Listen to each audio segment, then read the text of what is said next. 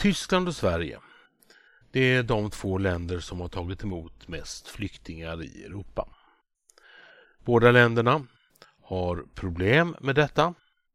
Men jag upplever ändå att Tyskland klarar saken bättre. Och en faktor det kan vara att tyskarna vill ha ordning på saker och ting. Attityden är att det är strunt samma vem du är, men du ska inte störa eller skada andra människor. Och så är det förstås det här med att man har en polis som fungerar på ett rimligt sätt. Men det är värt att fundera ett varv till över varför Tyskland verkar ha någorlunda kontroll vad gäller till exempel unga människor med invandrarbakgrund medan det blir allt mer vilda västern i Sverige. Ser man till dödligt våld med skjutvapen bland män i åldern 15 till 29 år så är den svenska siffran ungefär 1,1 av 100 000. Alltså 1,1. I Tyskland där ligger den siffran på under 0,1. Och det här är ju naturligtvis någonting att, att fundera över.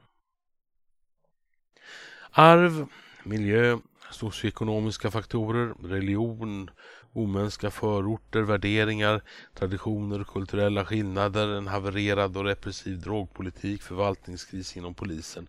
Ja, det finns många faktorer som bollas i den svenska debatten. Men låt mig kasta in ytterligare en tanke. Vissa unga människor med utländsk bakgrund kanske inte tycker att det är värt att integreras i det svenska samhället. Och jag kan på sätt och vis förstå det. Jag vill inte heller vara en del av det småskurna svenska samhället. Det är därför jag har flyttat till Berlin. Här råder både frihet och ordning. Det mesta, det är som sagt fritt så länge man inte stör någon annan. Här behandlas man som en vuxen människa med eget ansvar. Här visar människor varandra en helt annan respekt än i Sverige. Här säger man ifrån när någon beter sig dumt. Och friheten gör Berlin till en ofantligt mycket mer levande och rolig stad än Stockholm. Kreuzberg och Friedrichshain det är allt som Södermalm skulle vilja vara men aldrig någonsin kommer att kunna bli. Det här det är ett samhälle som man vill leva i och vara en del av. Även om det ibland naturligtvis också har sina sidor.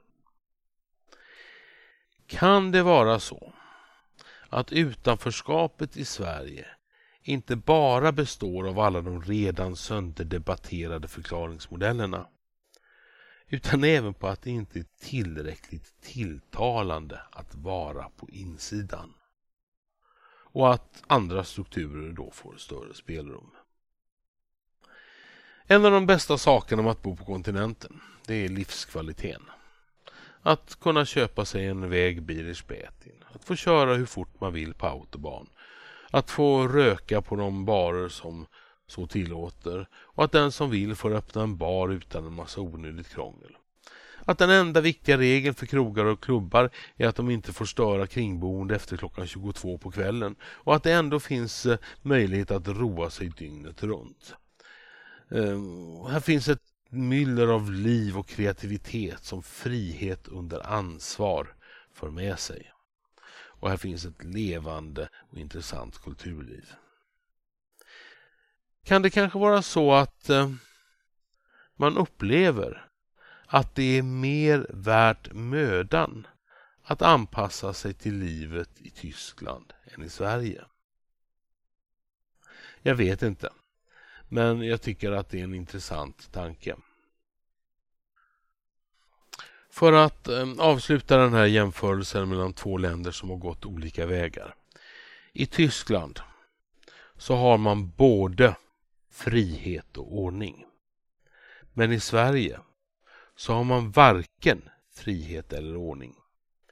Finns det möjligen några slutsatser som man borde eller skulle kunna dra av detta?